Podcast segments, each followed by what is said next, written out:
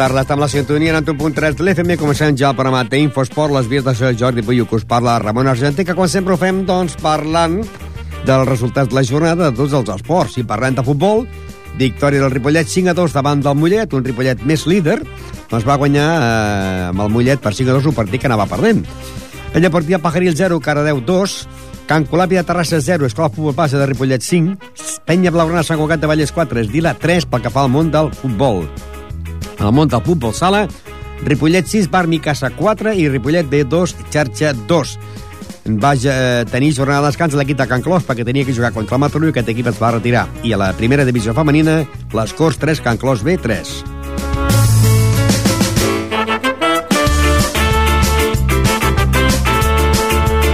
Anem ara, doncs, al món del bàsquet. El bàsquet Club Bàsquet Sant Jordi va guanyar el Club Bàsquet Ripollet per 11 punts, 78 a 67, mentre que l'Esparreguera, amb un àrbit d'aquells que caseros, caseros, caseros, doncs eh, va guanyar l'Esparreguera 65 a 63.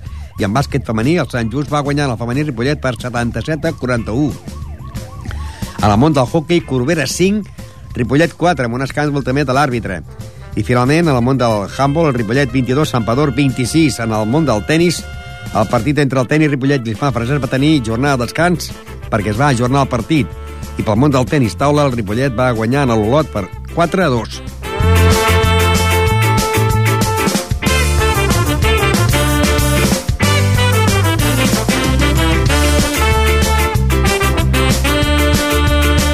Pràcticament es pot dir que amb aquesta victòria el Ripollet Verdolai de tenis taula la Lliga Nacional ja és pràcticament el campió del grup eh, quart d'aquesta Lliga Nacional. En el, per part de l'equip femení, el Ripollet va tenir doncs, doble partit contra l'equip del Calella, l'equip de Finca Ripollet de l'Edició d'Honor va, guanyar, va perdre contra el Calella 1 a 5, mentre que el Finca Ripollet de la Primera Nacional perdia també contra el Calella 3 a 4. Mentre que, com dèiem, l'equip de la Primera Nacional, el partit que van jugar el dissabte a les 5, de la, a la, a les 5 entre el Ripollet Verdolà i el Palma de Mallorca, va guanyar el Ripollet 1 al Palma de Mallorca, i el diumenge a les 12, Ripollet Verdolà 4, Olot 2.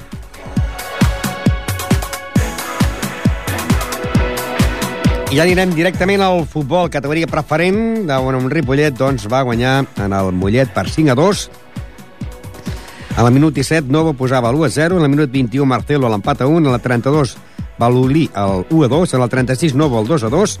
En el 72, Novo posava el 3 a 2. En el minut 74, Novo de penal posava el 4 a 2. I finalment, en el minut 80, Uri del Ripollet posava el 5 a 2. Eh, anem a recordar, allà teníem al camp doncs, el nostre company Miguel Molina, que li preguntaven al golejador Novo, l'autor de 4 gols. No, no pasa mucho, ha sido un día, un día genial para el equipo, para, para todos. Y nada, victoria y le sacamos siete ya. Y en la ida también debutaste contra Mollet, en el Ripollet, y metiste tres goles. Sí, sí, parece que, que se me da bien. ¿Tienes una medida tomada o qué? no, es un equipo que toca y eso nos ayuda a nosotros que también tocamos y, y nos crea espacios y nos hace, nos hace meter goles. Decía el presidente del Ripollet antes de empezar el partido que estaba preocupado porque quería que tú empezabas el partido y a ver si lo acababas bien. ¿Cómo te has visto después de la lesión? Bien, bien. La verdad que tenía, he tenido varias lesiones. Esta temporada estoy teniendo bastante mala suerte. Pero bueno, ahora, ahora que voy bien y a tirar para adelante. Ya recaídas no habrá, ¿no? Espero que no, espero que no. La semana que viene, ¿cómo es el partido contra tu Hombre, será un partido difícil, aquella, aquella gente van muy duros, pero bueno, a ganar, a hacer buenos estos puntos. Ya han dicho que ellos juegan al pelotazo y que contrarrestará un poco vuestro juego de toque. Sí. Para un delantero, ¿qué es mejor? ¿Jugar al pelotazo y esperarla o esperar que No, llegue no, no, a toque? Prefiero toque, prefiero toque y, y nada, a jugar. Hay que saber jugar a fútbol así también. Pues mucha suerte y a ganar. Gracias. Les paraules de Novo, màxim golejador, bueno, d'aquest partit, que va marcar 4 gols. Granollers 1, Turó de la Peira 1, proper rival del Ripollet. Premià del 3, Banyoles 1. Aviat 2, Farners 1. Tona 1, Gironella 0. Horta 3, Caçà 0. Figueres 5, Canyelles 1. Palafrugell 0, Manresa 1. Eh, va descansar l'equip del Palau per la retirada de Mataró. I Ripollet 5, Mollet 2. Líder Ripollet, 46 punts seguit del Figueres en 43. Mollet, 39. Manresa, 38. Avià, 37. Farners, 32. Serien els sis que pujarien de categoria. Premià de Dalt, 31. Granollers i Canyelles, 30. Amb 27, Horta i Turó de la Pera, que és el proper rival del Ripollet. Amb 25, el Gironella. Amb 23, el Tona. Amb 16, el Banyoles. Amb 15, el Palafrugell. Amb 14, el Palau. Amb 12, el Caçà. I en allò número 18, ja, el retirat Mataró, que està en allò número 18, ara jo el poso en allò número 18, ja sabeu que aquest grup ha quedat amb 17. Doncs Ripollet eh, va guanyar 5 a 2 en el Mollet, I anem a recordar les paraules també que el nostre company, Miguel Molina, eh, feia amb el seu segon entrenador, Manel López. Muy contento, la verdad es que han, más que el resultado incluso es la, ¿no? el, el derroche de, de, de esfuerzo, de ganas y, y de creérselo de los jugadores. En la primera parte un partido muy igualado, muy disputado. En la segunda ha empezado también, pero luego ha habido un momento que se ha roto y el Ripolleta le ha metido un baño al Mollet. ¿no? En la primera parte hemos tenido ocasiones al principio de la primera parte que quizás, si se hubiesen materializado pues eh, se hubiese visto ya el, más claramente el dominio del, del, del Ripollet. Lo que pasa es que nos han empatado en una jugada de, de, de, despiste defensivo y eso les ha dado alas también al, al Mollet que han, que han, empezado a jugar. De hecho, también es un equipo que, que, la sabe jugar. Y en la segunda, pues hemos vuelto a, a confiar en que tocando pues eh, se, puede, se puede ganar partidos y de hecho han hecho un partidazo. Y la, el regreso de nuevo se ha notado mucho, ¿no? Se ha notado, de hecho, ha metido cuatro goles, uno de penalti pero bueno, estoy seguro que cualquiera que hubiese jugado ahí hoy hubiese, hubiese metido también varios goles. Uno de penalti que lo ha buscado él presionando y robándose al defensa. Creo que ha sido Alex. Creo Alex que ha sido ha sido Alex, que Alex que eh, no ha dado por perdida la pelota, la ha robado, o sea, ha cortado un pase, tenía ventaja el central, no ha dejado de presionar, se la ha robado y el central al robársela pues la ha hecho penalti. Es lo que tiene este equipo, ¿no? Que incomoda a la defensa visitante en, en su campo, Sí. como el Barça, digamos. Sí, sí, la verdad es que la presión en línea defensiva del equipo contrario nos hace que estemos más cerca de portería cuando se roba pelota. Y la verdad es que hoy el derroche físico de los jugadores ha sido tremendo. Y ya después del partido, la moral que se queda, ¿cuál es? Pues la moral es de seguir ahí, eh, mantenernos lo máximo posible arriba, asegurarnos el ascenso a Primera Catalana, que de hecho ya tenemos bastantes puntos de ventaja sobre el que sería el supuesto sexto, y eso da confianza. Pero bueno, nosotros al principio asegurar el ascenso a Primera. Ya lo empezáis a creer un poco, ¿no? El ascenso empezamos a creerlo, pero bueno, todavía quedan muchos partidos y la verdad es que todos los equipos han reforzado. eh, aquellos que estaban con un equipo, digamos, no, no, no muy arriba en la primera vuelta, ahora se han reforzado y son difíciles, son difíciles todos. ¿Y el partido de la semana que viene es difícil especialmente o es uno más porque no se juega nada tampoco? No, es difícil porque el campo no permitirá hacer el juego que hacemos nosotros, que es el de toque. Es un campo pequeño, eh, de tierra. eh, el juego de- del Turo es un juego muy directo. Eh, nosotros vamos a tener que hacer también algo para, para compensar las características del terreno de juego y a lo mejor modificamos, nos hace modificar nuestro estilo de juego. Entonces es, complicado. Muy pocos rivales han puntuado en, el campo del Turo. Habrá que jugarle a pelotazo como se jugaba antes, ¿no? Bueno, pero yo creo que tal como somos, eh, aunque sea campo de tierra, vamos a intentar seguir, seguir ¿Es complicado jugando. jugar contra un equipo así que juega pelotazo y tú intentas jugar? O Sí, es complicado. Es una- complicado porque te fijan, ya te hacen jugar con dos líneas, ¿no? Muy separadas, porque aprietan arriba. eh, entonces, eh, el juego que tenemos nosotros, que es juntar líneas y tener gente entre líneas, pues eh, se dificulta. Pero bueno, jugaremos a lo nuestro igual. Pues mucha suerte y a ver si en marzo estamos ahí ya diciendo que estamos ascendidos. Gracias, Miguel. Gracias. Les paraules del segon entrenador, Manel López. Eh, segons l'entrenador Jordi, el primer, el Jordi Muñoz, diu que de vegades l'altre dia encara va dir no, de moment ja estem salvats. Doncs bé, en aquests moments eh, estan salvats, podríem dir, doncs, tots aquests equips, crec jo, no? El Ripollet, 46, eh, Figueres, eh, 43, Mollet, 39, Manresa, 38, Avià, 37, i això que deia que estava a estar als punts del 6è, que és el Farners, en té 32, que serien els 6 que pujarien, no? Eh, Ripollet, Figueres, Mollet, Manresa, Avià i Farners. La propera setmana el Ripollet jugarà al camp del Turó de la Peira. El Turó de la Peira eh, aquesta setmana ha empatat a 1 al camp del Granollers. Granollers 1, Turó de la Peira 1. I el Turó de la Peira ocupa la plaça número 11 amb 27 punts per un Ripollet que és líder amb 46 punts. I anem a més futbol, aquest cas, segona categoria territorial, que aquesta setmana s'afrontava la penya portia Pajaril, que va perdre 0-2 davant del Cardedeu. Encara manté la plaça que podria aguantar la categoria, la plaça número 9 amb 29 punts, però els darrere ja estan apretant. I tenim l'Atlètic Vallès, Vilamajor i Sant Joan, que estan a darrere a un parell de punts. Resultat, Sabadellenca 3, Lliçà 2, proper, eh, proper eh, que és el líder, i proper rival de la penya. Parets 1, Santa Eulàlia 6, a l'Ametlla 1, Sant Esteve 0, Pitres 1, Palau Tordera 0, La Torreta 1, Montmeló 1, Vilamajor 3, Cerdanyola 2, el Sant Joan de Montcada 4, Martorelles 2, Vallès 1, Bellavista 2 i tanca la penya partida Pajaril amb resultat de 0-2 favorable al Cardedeu. Eh, José Antonio Torres, buenas tardes. Hola, buenas tardes, Ramón. Bueno, ¿qué pasó? 0-2 con el Cardedeu. Ya lo dijiste tú, cuidado con el Cardedeu. Sí, eh, tiene un buen equipo y tal, pero bueno, el problema fue, fue que íbamos mm, controlando más o menos el partido, con 0-0, y en la segunda parte, al hacer un cambio con un jugador que ya tenía una tarjeta, eh, en el momento de hacer el cambio le dijo algo al árbitro, mm, imagino que le dijo algo de menosprecio. Menos Eh, guapo de todo, ¿no? eh, Que menos guapo de todo. No, no, no, no, no fue insultado ni No, nada, pero no. sí le hizo algún menosprecio porque se dio la segunda tarjeta amarilla porque si, si lo insulta es roja directa. Ya, ya, ya. Le enseñó la segunda tarjeta amarilla y justo cuando estaba haciendo el cambio, ¿qué pasa? Que ya no nos dejó hacer el cambio. Y ya con 10, pues bueno, hicimos un penalti tonto, que no sé a qué venía a hacer ese penalti. Pero bueno, y ya a partir de ahí, pues nada, 0-2. Bueno, penaltis tontos se hace muchas veces. Lo que pasa es que a veces el colegiado lo pita y otras veces no lo pita. Bueno, no, no, era penalti, ¿eh? Ya, ya, pero a veces hay penaltis claros que no los pitan y otros penaltis que no son tan claros y si los pitan. No, El penalti para mí fue claro, lo que pasa es que tonto el sentido que no era, no era, no era necesario hacer ese penalti. Pero bueno, es lo que hay, nos quedamos con 10 y apretaron más, llegaron, llegaban mucho más a menudo a puerta y eh, a, a corto hubiera caído igualmente el gol. Tú estás diciendo, lo vas repitiendo durante toda la temporada, de que queréis eh, llegar eh, a por lo menos mantener este puesto número 9, porque mantendríais la categoría. Pero claro, eh, vienen por detrás equipos como Atlético Vallés y Vilamayor con 27 y el San Juan con 26. Mm, Si, no, si os descuidáis, esta gente os atrapa. Sí, bueno, vamos a decir lo mismo, quisiera el número 9, el 8 o el 10, la cuestión está entre los 12 primeros, ya te lo digo. Lo que no quiero es puesto 13 por ningún lado. Que puesto 13 es cuando empiezan a defender. Pues el 13, en este caso, sería el Pitres y lleva 24 puntos, 5 más que, eh, menos que vosotros. Sí, sí, lo, lo malo son los tres partidos que nos vienen todavía difíciles. Y ahora, eh, entre los que ya tienen tarjeta, los lesionados y tal, me parece que, que esta semana iremos 12 o 13 jugadores nada más. Y vamos a Pues el líder. esta semana jugáis en el campo del Lliçà de Del líder. líder con 46 puntos, un Lliçà que ha perdido frente al Sabadellenca 3 a 2. Y luego recibimos a Sabadenca, si no, si no recuerdo mal. O sea que en principio son dos partidos que los podéis perder los dos. A ver, intentaremos que no sea así, pero sí, son dos partidos que se pueden perder.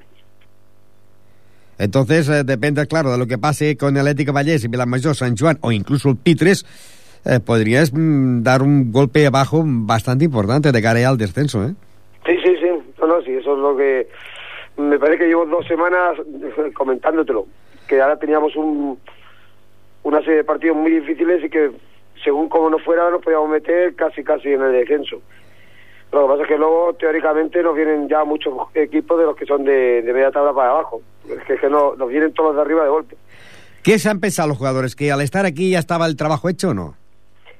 No, hombre, a ver, tampoco creo que ellos en ningún momento ellos me han comentado eso, sino que, que era bueno la, se había comentado bueno la, la distancia que teníamos con el puesto 13.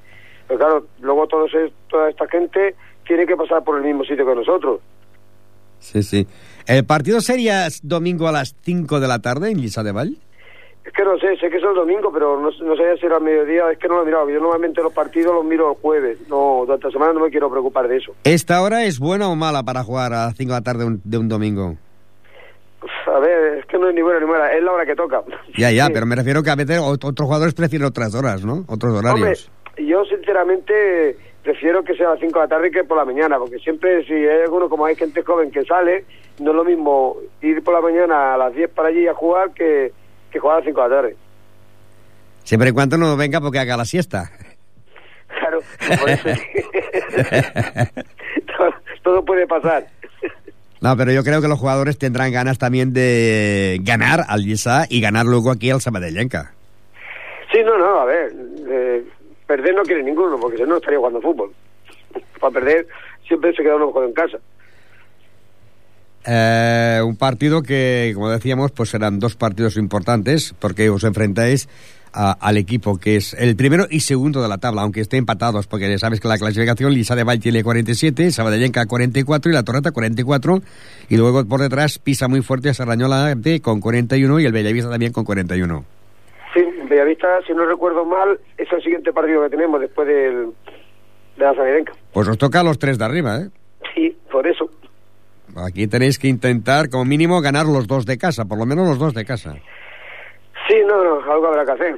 Pero bueno, Y a si se ver, puede los tres, mejor todavía, ¿no? pues si ganamos los tres, eh, eh, se puede decir que ya estamos salvados seguro.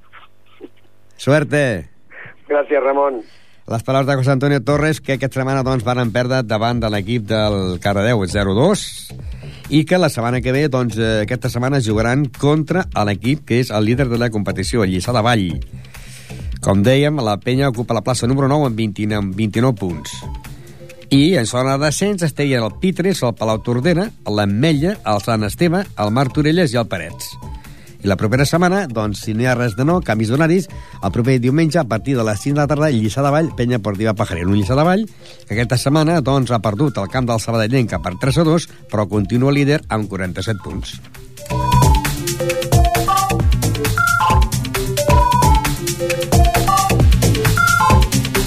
Continuem més futbol, anem a la tercera territorial on tenim dos representants a l'equip d'Escola Futbol Passa de Ripollet que va guanyar 0-5 al Camp Colapi de Terrassa i a l'Esdila, que doncs eh, jugaven al vespre i els vaig anar trucant i anaven empatats a dos, empatats a tres i finalment, quasi quasi en el temps de descompte, la penya Blona Sant Quata Vallès va guanyar per 4-3 a l'Esdila. Líder, el júnior amb 44 punts, després de la planada en té 42 i l'escola futbol base de Ripollet és tercer amb 39. Badia el Vallès 35, Mirasol 33, Marina i Penya Blaurana 31, Rueda 28, La Farga 27, Deu Vallès 13, La Unió 10, eh, Can Colapi i la Fundació 9 i tanca l'Esdila amb 5 punts.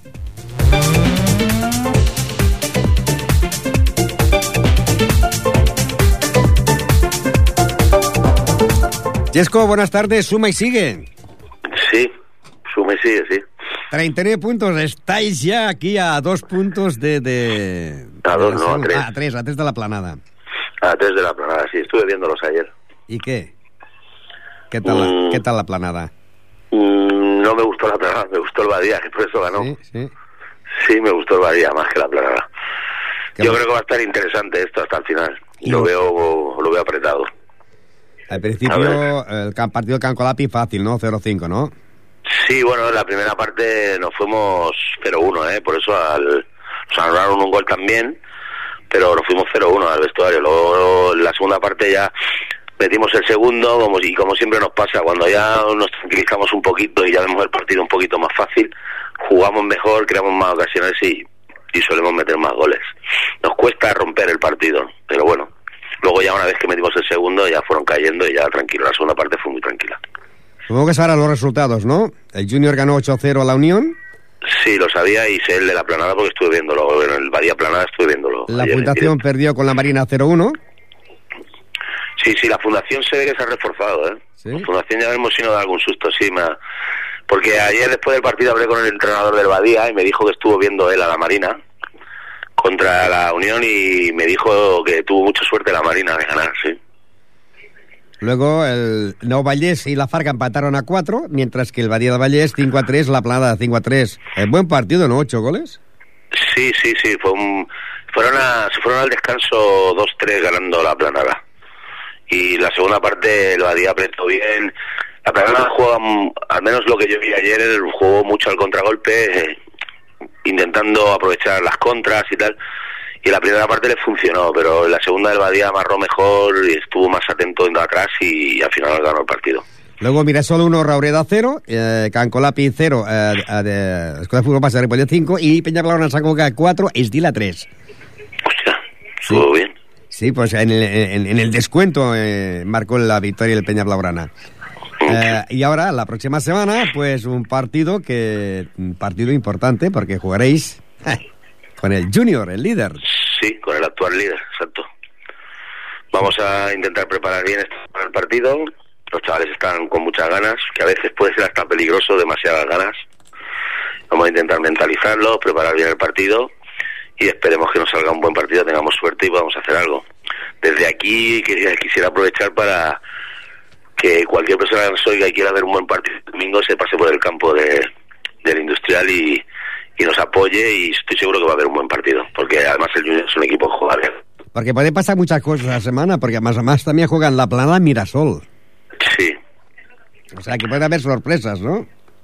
sí, bueno, es que yo creo que ahora de aquí al final todas las jornadas son importantes, juegues contra quien juegues, porque no pueden, cada vez tienen menos margen de error y entonces el equipo que pinche en alguna jornada sin algún partido no entre dentro de lo normal, pues puede pagarlo caro. Entonces, ahora ya todos los partidos son importantes, juegues contra quien juegues. Y el otro partido sería Esdila Badía Vallés. Sí, esperemos que va- haya cogido moral, esta semana y, y a ver, yo he visto a Les Vila y he visto a Badía y yo creo que aquí si plantean bien el partido les pueden dar guerra y pueden conseguir algo, a ver. Porque sería, pues si pasara todas estas coincidencias, eh, ya os pondríais eh, empatados con la planada en el segundo lugar. Sí, pero bueno, Ramón, esto también puede darse el caso de que perdamos, Sí, sí. que nos pase el Badía y que se vaya el Ah, Junior ya a aún ocho perdiendo, puntos. aún perdiendo, mantenéis el tercer puesto. Eh, no, Sí, hombre, el Badía Vallés yo tengo aquí 35 puntos.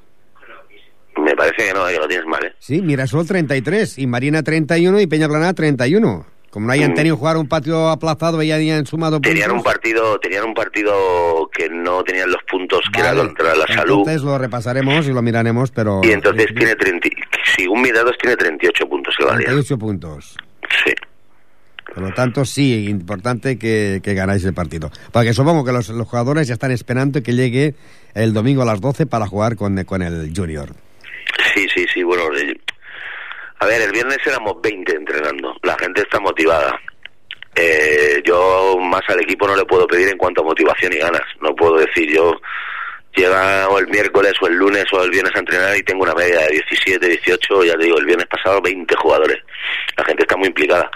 Ahora falta que tengamos suerte, porque la suerte en el fútbol también es importante y bueno, y que vayan las cosas poco a poco y a ver si podemos estar ahí al menos hasta el final peleándolo.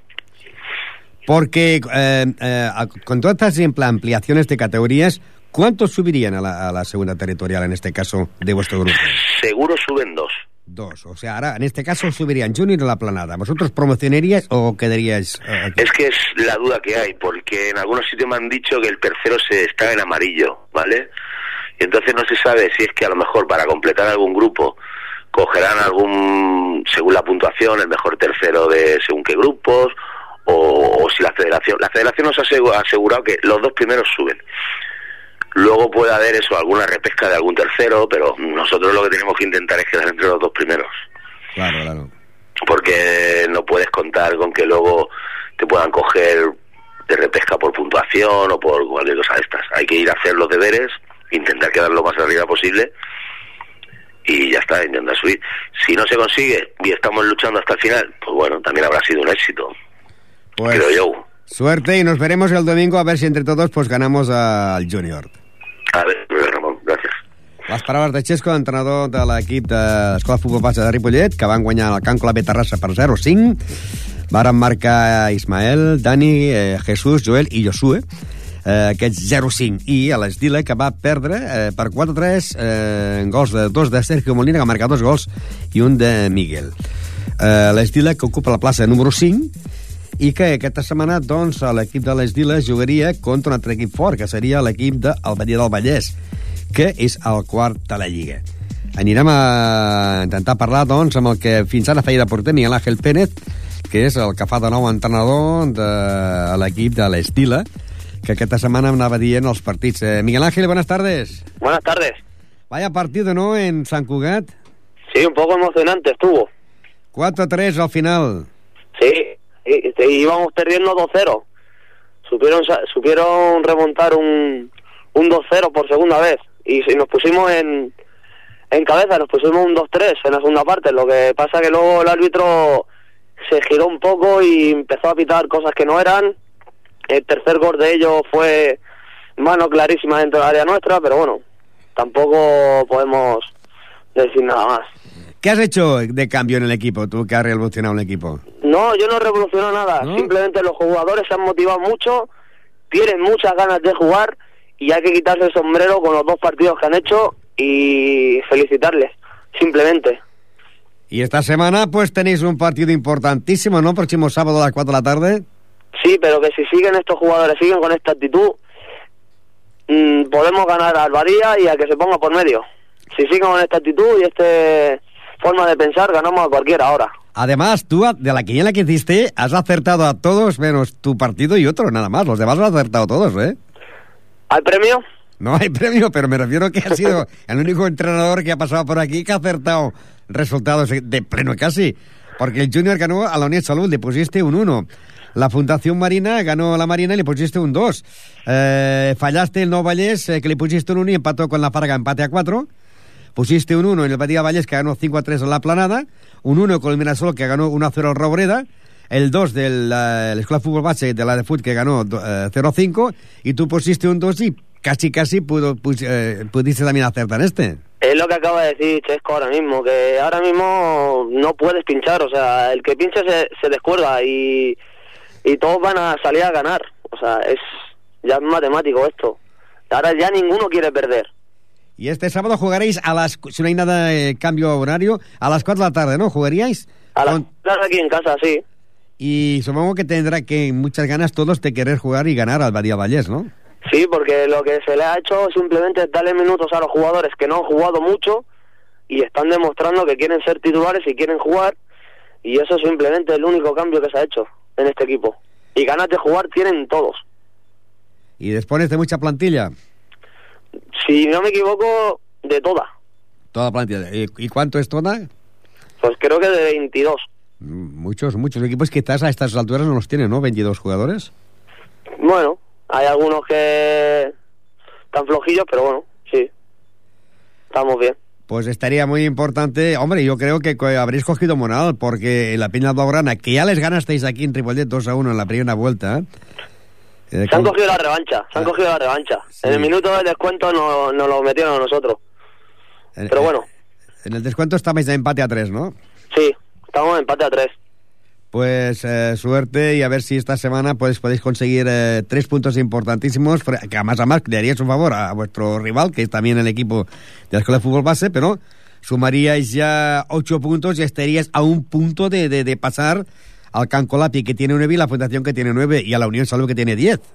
Yo creo, yo creo que sí, que intentaremos hacerle un favor a la de fútbol y por la moral que tienen ahora mismo los jugadores, creo que vamos a poder con, por lo menos darle mucha guerra a Badía. Y yo lo voy a intentar que, la- que le den guerra a Badía y a que los ocho partidos que nos quedan lo tengan difícil y que podamos subir y estar arriba un poquito. No, primero ya no, no lo vamos a conseguir, pero vamos a intentar conseguir una posición que nos merecemos, porque se lo merecen estos jugadores.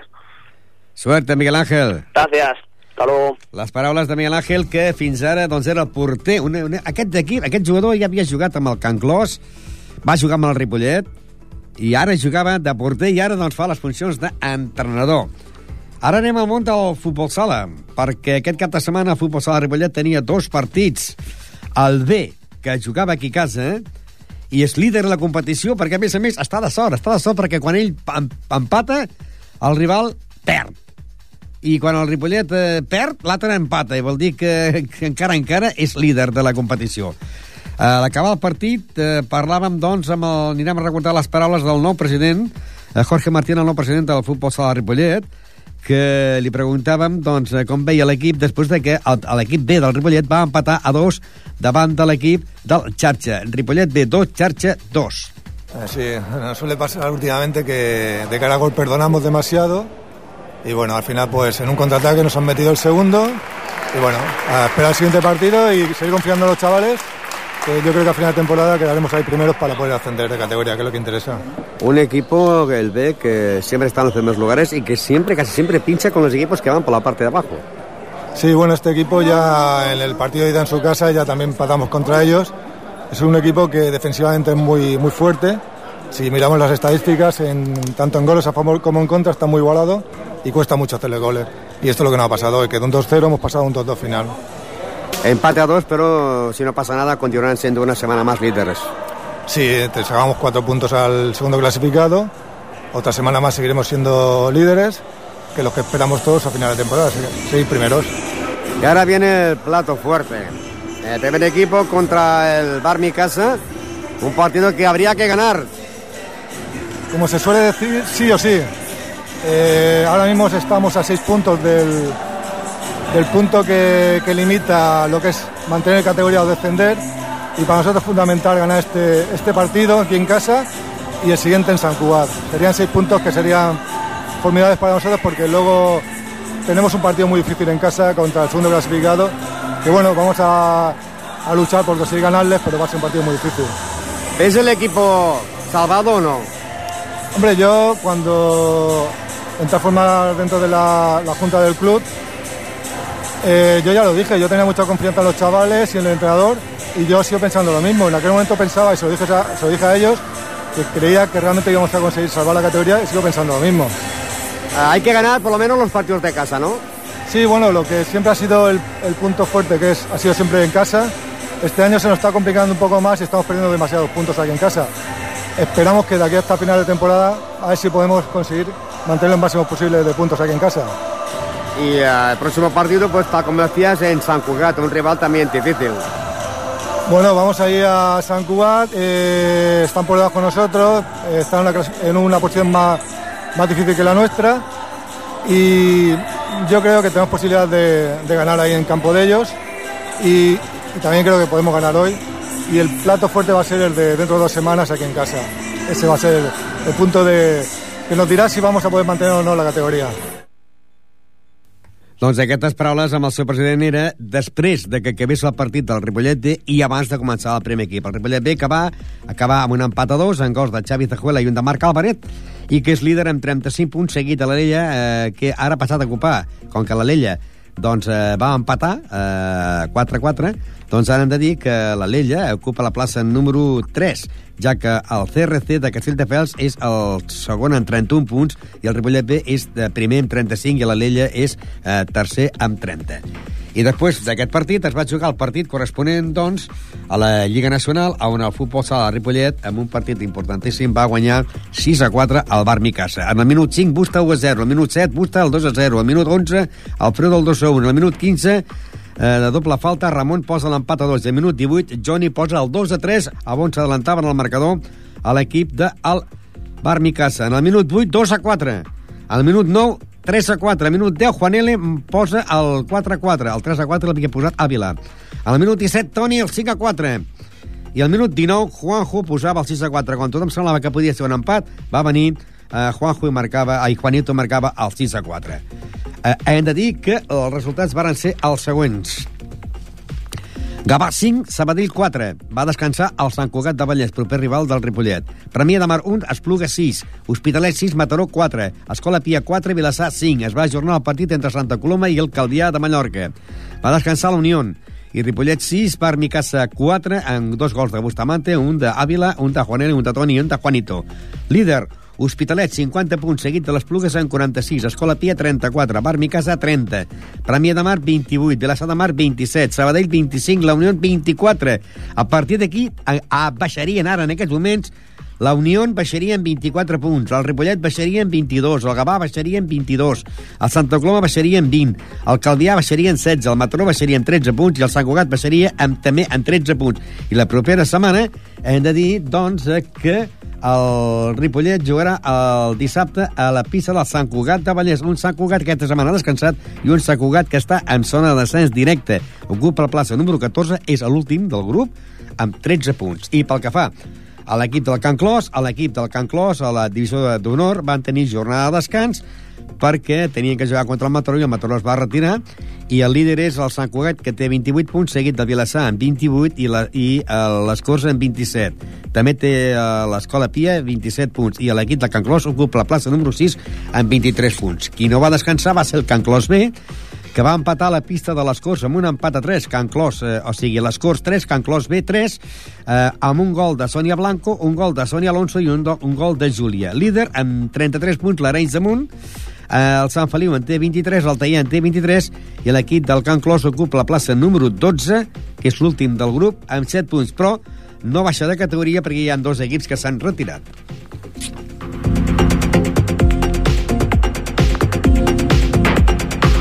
Hockey. Hockey. I anem al món del hockey, que aquest cap de setmana es van produir aquests resultats. Riu de Villes, 8, Canet de Mar, 1, Bartino, 3, Vilassar de Mar, 8, Premià, 7, Castellà, 1, Cornellà, 8, Congrés, 9, Voltregà, 7, Perpetuent, 5, Centella, 7, Arenys, 7 i Corbera, 5, Ripollet, 4. Els gols del Ripollet va marcar dos, Gerard Aran, un d'Àlex Escobos i un de Maria Garcia. Líder, Mar, 43 punts empatats amb el Riu de Villes, que en té 43. Corbera, 41. Canet de Mar, 27. Amb 25 centelles, eh, Castellà amb 24, Perpetuem 23, Ripollet ocupa plaça número 8 amb 23 punts i dos partits menys. Eh, bueno, un partit menys, un de menys, el del Vilassar.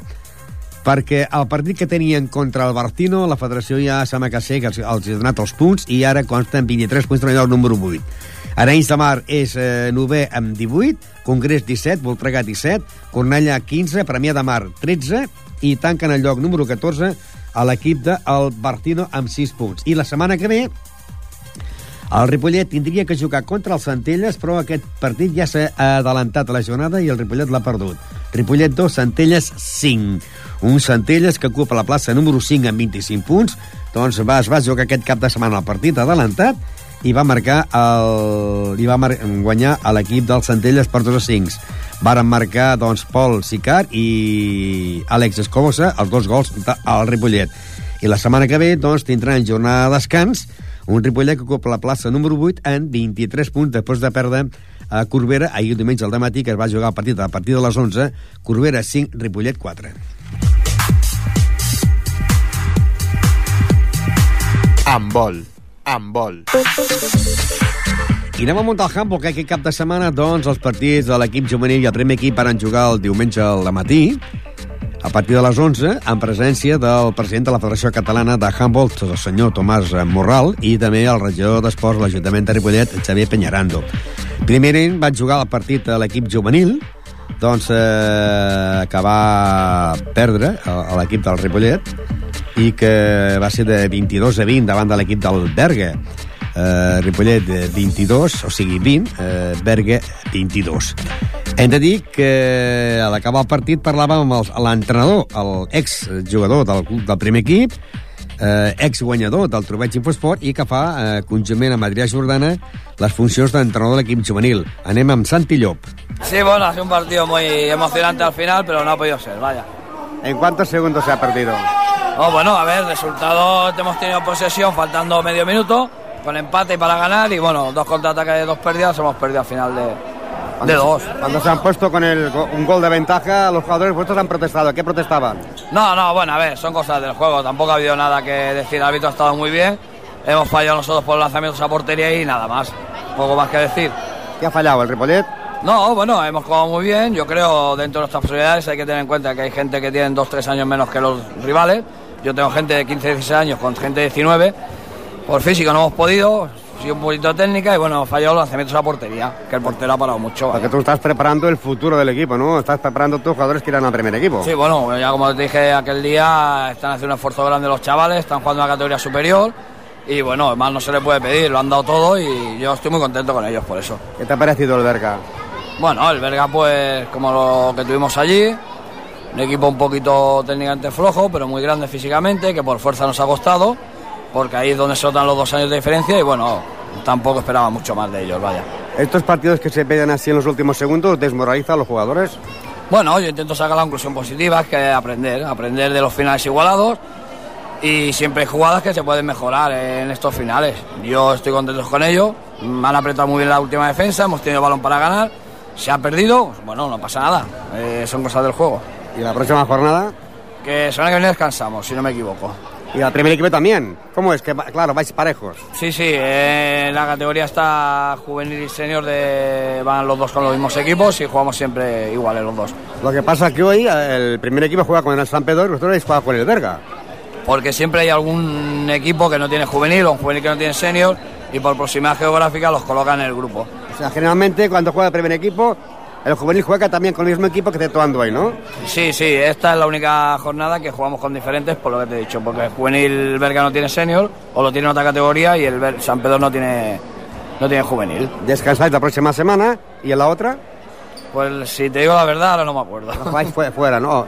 Es que no te lo puedo asegurar, no lo sé seguro, ya te digo, tengo que mirar el calendario porque vamos semana a semana y, y ya no te lo puedo decir seguro. Hay muchos descansos, ¿no? Porque el grupo del primer equipo, eh, estáis igual que ellos, eh, grupos par y descansan cada semana dos equipos. Sí, sí, hicieron un grupo de 12 con plantilla de 14 y cada semana pues descansan dos equipos. ¿Y hoy que había aquí presente la Federación Catalana, no le habéis preguntado por qué hacen eso de que descansen dos, siendo pares? No, bueno, a ver, porque ellos tienen las plantillas hechas y a partir de ahí, pues claro, eh, es más fácil adaptarse a que los equipos se descansen que no readaptar las plantillas a, a los equipos que hay en el grupo.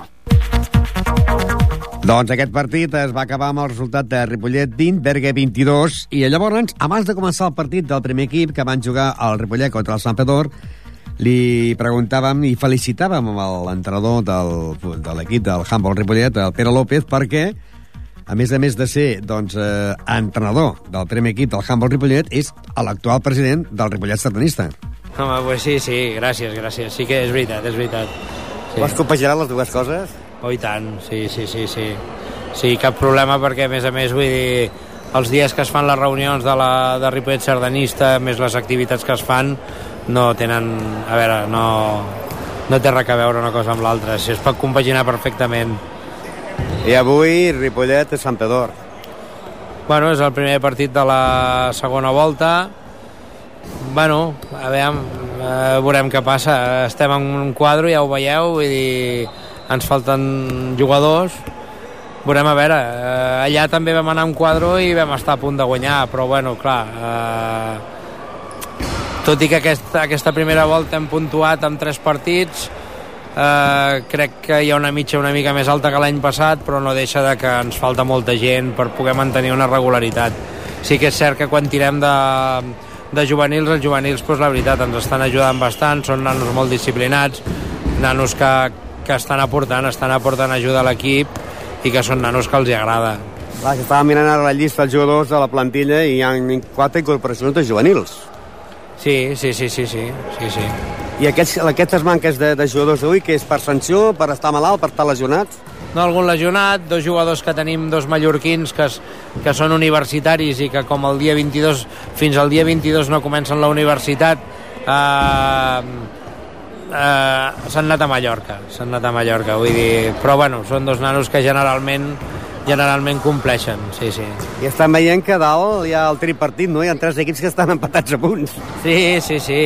I a més a més és curiós perquè, a veure, jo estic una miqueta així, eh, no trist, però una mica decebut per el tema de dir, aviam, equips com per exemple el Sant Pador, que, que, que el vam estar a punt de guanyar allà, eh, el tens a Nadal, no? I et ve a l'Oar Gràcia o un Sant Quirze que està allà sota amb nosaltres i clar, per manca de jugadors doncs ens guanyen bé, vull dir, no sé, és que clar, quan no tens una plantilla amb la que hi pots disposar-hi eh, no pots comptar amb una regularitat de treball, no pots continuar amb una regularitat, evidentment, de resultats.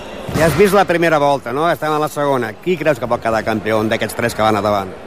És molt imprevisible perquè estan tots tres estan tots tres amb un nivell de, de jocs a la tercera catalana similar. Vull dir, entre els tres que hi ha a Nadal, el, el, el que menys falli, el, el més regular, vull dir, el que tingui una mica més de cap. Al igual que l'equip juvenil, la setmana que ve descans. Sí, igual, sí, sí, sí, està clar, està clar. Això afecta, no? Tant descans. Sí, perquè és que no entenc que havent-hi, eh, siguent un, un grup parell, vull dir que tinguis, tinguin que haver-hi aquests dos parons, dues setmanes de descans i que descansin dos equips, vull dir, no sé, jo penso que es pot, es, es pot eh, equilibrar el sorteig amb, el, amb, els, amb els mateixos números i amb un número parell d'equips, no? Però bueno, aviam, els senyors federatius els senyors de, de l'àrea de competicions ells sabran el criteri i les normatives que tenen que per, per fer-ho i s'ha de respectar, està clar. Ara no sé si és o ha marxat, però fins ara hi havia el president de la catalana aquí, de handball. Com, com, perdona? Que, que no sé si ha marxat o no, però fins ara hi havia el president de, de la catalana de handball aquí a Ripollet. Sí, sí, ha vingut, ha vingut. Eh, jo sabia que venia, a veure, jo, com tots sabeu, entreno en una escola a Barcelona i ara vinc de Parets, no he pogut estar per saludar-lo, el conec personalment molt, i sí, sí, ha vingut, ha vingut, em vaig quedar sorprès quan l'altre dia l'Albert Jordana em va dir que, que avui vindria el president de la catalana. És un bon element, vull dir, és una persona molt treballadora i com a, menys, com a mínim és una persona íntegra que es deixa caure, no?, pels, pels que som humils també, no?, vull dir, perquè també ens agraden que ens vinguin a veure els, els directius. Vull dir, és molt d'agrair, és molt d'agrair i això vol dir que ells també tenen ganes, tenen ganes de fer coses, no els, no els podem estar qüestionant constantment perquè si nosaltres ens hi poséssim, com ho faríem? Sort i a veure si avui guanyem el Sant Pedor. Bueno, serà difícil, serà difícil perquè com veus estem en quadro, ells eh, pràcticament venen en plantilla, però bueno, a veure, eh, també vam anar a l'últim partit de la, de la primera volta al camp del BCN, que a priori jo creia que ens guanyarien bé, ens van guanyar de, de 8 a última hora, van tenir molts problemes i a més a més nosaltres anàvem sense el Sergi, que és el que normalment marca més gols. Et deixem perquè veig que l'àrbit ja està pitant ja a punt de començar el partit. Molt gràcies. bé, vinga, gràcies a vosaltres. Doncs van estar, van estar a punt, a punt, a punt de guanyar. El resultat final, el Ripollet 22, Sant Pedor eh, 26. Hem de dir que el Ripollet va jugar amb 10 jugadors amb Diego, amb Arnau, amb Joshua, amb Pablo, amb Sergio Pons, amb Òscar Pérez, amb Jordi com a porter suplent, de, va entrar també a la segona part, Adrià Jordana, Ángel López i Òscar Aguilar, mig lesionat. En el descans va ser de 11 a 10, favorable a l'equip del Ripollet. 11 a 10 en el descans. I hem de dir que va estar jugant d'entrada doncs, com a porter Diego, que va encaixar doncs, 10 gols, i els altres 12 li va marcar el jugador Jordi, que va entrar en el minut 20 de la segona part. Va sortir el porter amb el número 12, Jordi, va entrar per Diego, que l'havia aguantat tot el partit doncs, amb 10 gols, i finalment, amb aquests eh, pocs minuts, en el porter Jordi li va marcar 12 gols, i això va ser doncs, que s'adelantés a l'equip del Sant Pedor, 22 a 26, favorable a l'equip del Sant Pedor. Hem de dir que els gols, els gols del Ripollet, eh, com dèiem en el descans 11 a 10, Arnau va marcar un gol, Joshua 4, Pablo 1, Sergio 6, Òscar Pérez 1, Adrià 5, eh, Ángel López 1, 2, perdó, i Òscar Aguilar 2. Eh, el Ripollet, doncs, 22 a 26, la resta de partits van ser Sant Miquel 31, Igualada 32, Agramunt 33, Sanot 20, Sant Llorenç 16, Sants 19, varen descansar Pardinyes i Serranyola, i Oar Gràcia 15, Sant Quirze 30. Líder, el Sants amb 29 punts, ai, amb 20 punts, la cosa ja ha canviat, Sant Pedor 19, eh, Pardinyes 18, eh, Sant Miquel eh, 18, i Agramunt 15, Sant Quirze 14, Serranyola 14, Sanot 12, Euar Gràcia 9, Igualada 7, el Ripollet ha perdut un lloc a la classificació, ara ocupa el plaça número 11 amb 6 punts i per l'equip del Sant Llorenç en 0 punts i la setmana que ve té jornada de descans.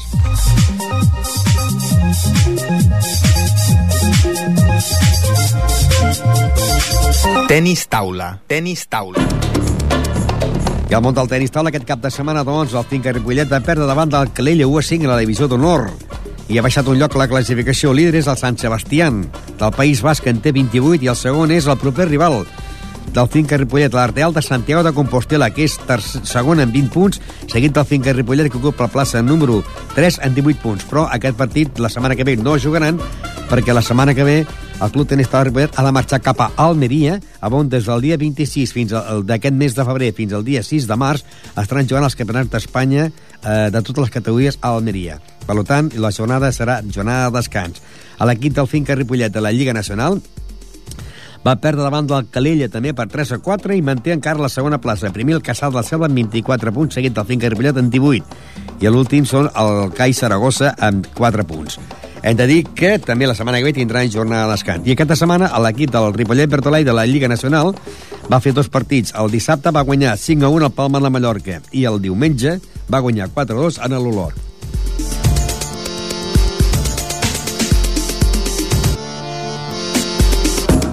Amb aquestes eh, dues victòries pot dir que pràcticament el Ripollet és ja el virtual campió del grup de la primera nacional, grup número 4. Ripollet virtual líder amb 22 punts, seguit de l'Olot amb 18, Igualada 14, Palma de Mallorca 12, Vilanova 10, Sant Cugat 10, Sallent 6 i tanca el Sant Poble de Mallorca amb 6 punts. La setmana que ve també té eh, jornada de descans perquè marxen cap a Almeria als campionats d'Espanya.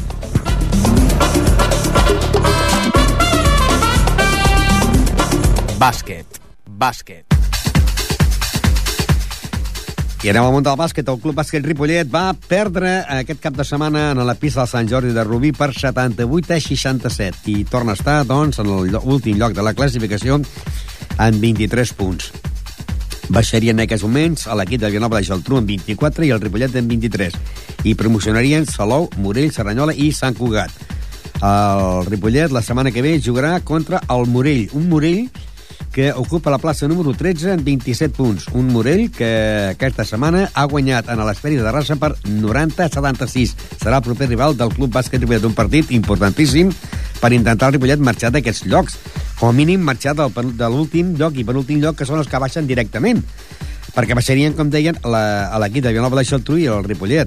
Per tant, el Ripollet ha d'intentar guanyar el Morell perquè sumaria 25 punts i depèn del gol a barats eh, es posaria a dos punts i entrarien a la zona de la promoció per la permanència, però la cosa està molt difícil, com també a l'equip de la Vell Gasó, que aquest cap de setmana va perdre a la pista de l'Esparreguera de dos punts. Esparreguera 65, la Vell Gasó 63.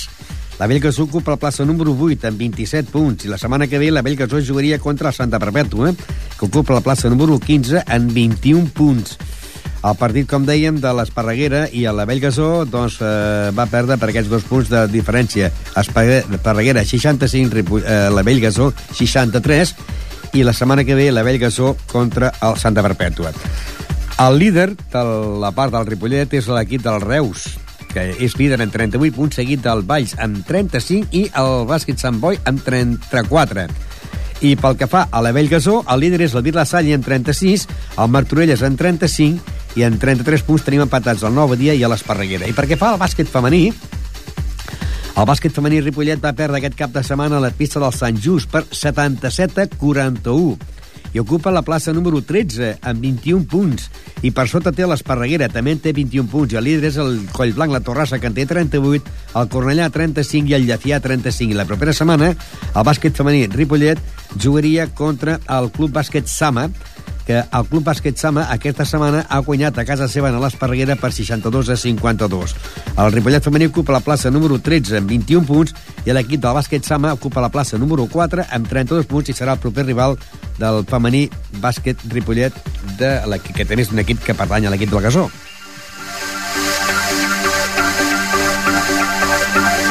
I a la recta final hem de recordar els resultats de tennis. El tennis que eh, aquest partit que tenia jugat aquest cap de setmana a la segona divisió per jugadors de més de 18 anys entre el Ripollet i el Club Tenis Hispano-Francès. Aquest partit es va ajornar i possiblement se jugui la setmana que ve, que hi ha jornada de descans, perquè la setmana que ve, doncs el proper dissabte i el proper diumenge, tindran jornada de descans tant el hockey, perquè ja ha jugat contra els Centelles, tindrà jornada de descans. El Ripollet de Handball, tindrà jornada de descans. El tenis taula perquè marxen cap a Almeria en els campionats d'Espanya. I tindran jornada de descans a l'equip de jugadors de més de 18 anys, mentre que a l'equip que també va descansar aquesta setmana, que és l'equip de més de 40 anys, que són l'equip de la primera divisió, el Ripollet eh, la setmana que ve jugarà a dos quarts de quatre a la pista del Sant Sadurní de Noia, que el Sant Sadurní de Noia, en aquests moments, doncs hem de dir que és l'últim de la Lliga amb 0 punts, amb un Ripollet que ocupa plaça número 4 amb 3 punts però eh, que aquesta setmana tindran jornada de descans. I ja sabeu, per finalitzar, que aquest cap de setmana, ja ho he informat avui en el programa el de, els bolletins de Ripollet Ràdio, que es va fer la, la final, podríem dir, dels primer, la primera edició dels Premis 10 de l'Esport, i que per part del, de bàsquet de la guanyadora va ser la Lucila Pasqua, seguida de Sara Ramírez i Julia Figueroa, que com a millor esportista masculí va ser Joan Maria Selva, Rubén López, seguit de Roger Vilanova, i que com a millor equip, el Ripollet Juvenil, el Club d'Escatge de la Penya Portiva Pajaril, com a millor entitat va ser el Club Tenis Taula Ripollet, la Unió Atlètica i Patinatge Artístic va guanyar, després d'un empat, a l'equip de la Unió Atlètica i que segona posició pel tenis taula i patinatge artístic i com a millor trajectòria esportiva va ser Joan Creus i també dedicada a l'esport, persona dedicada a l'esport va ser Pedro Sorrión. Eh, divendres en parlarem àmpliament d'aquest resum de tots aquests trofeus de que, es van, que va fer a la primera edició Premis 10 de l'Esport. Divendres tindrem el, el, el boxeo Zona Combate de Ripollet. Adéu-siau i bona tarda.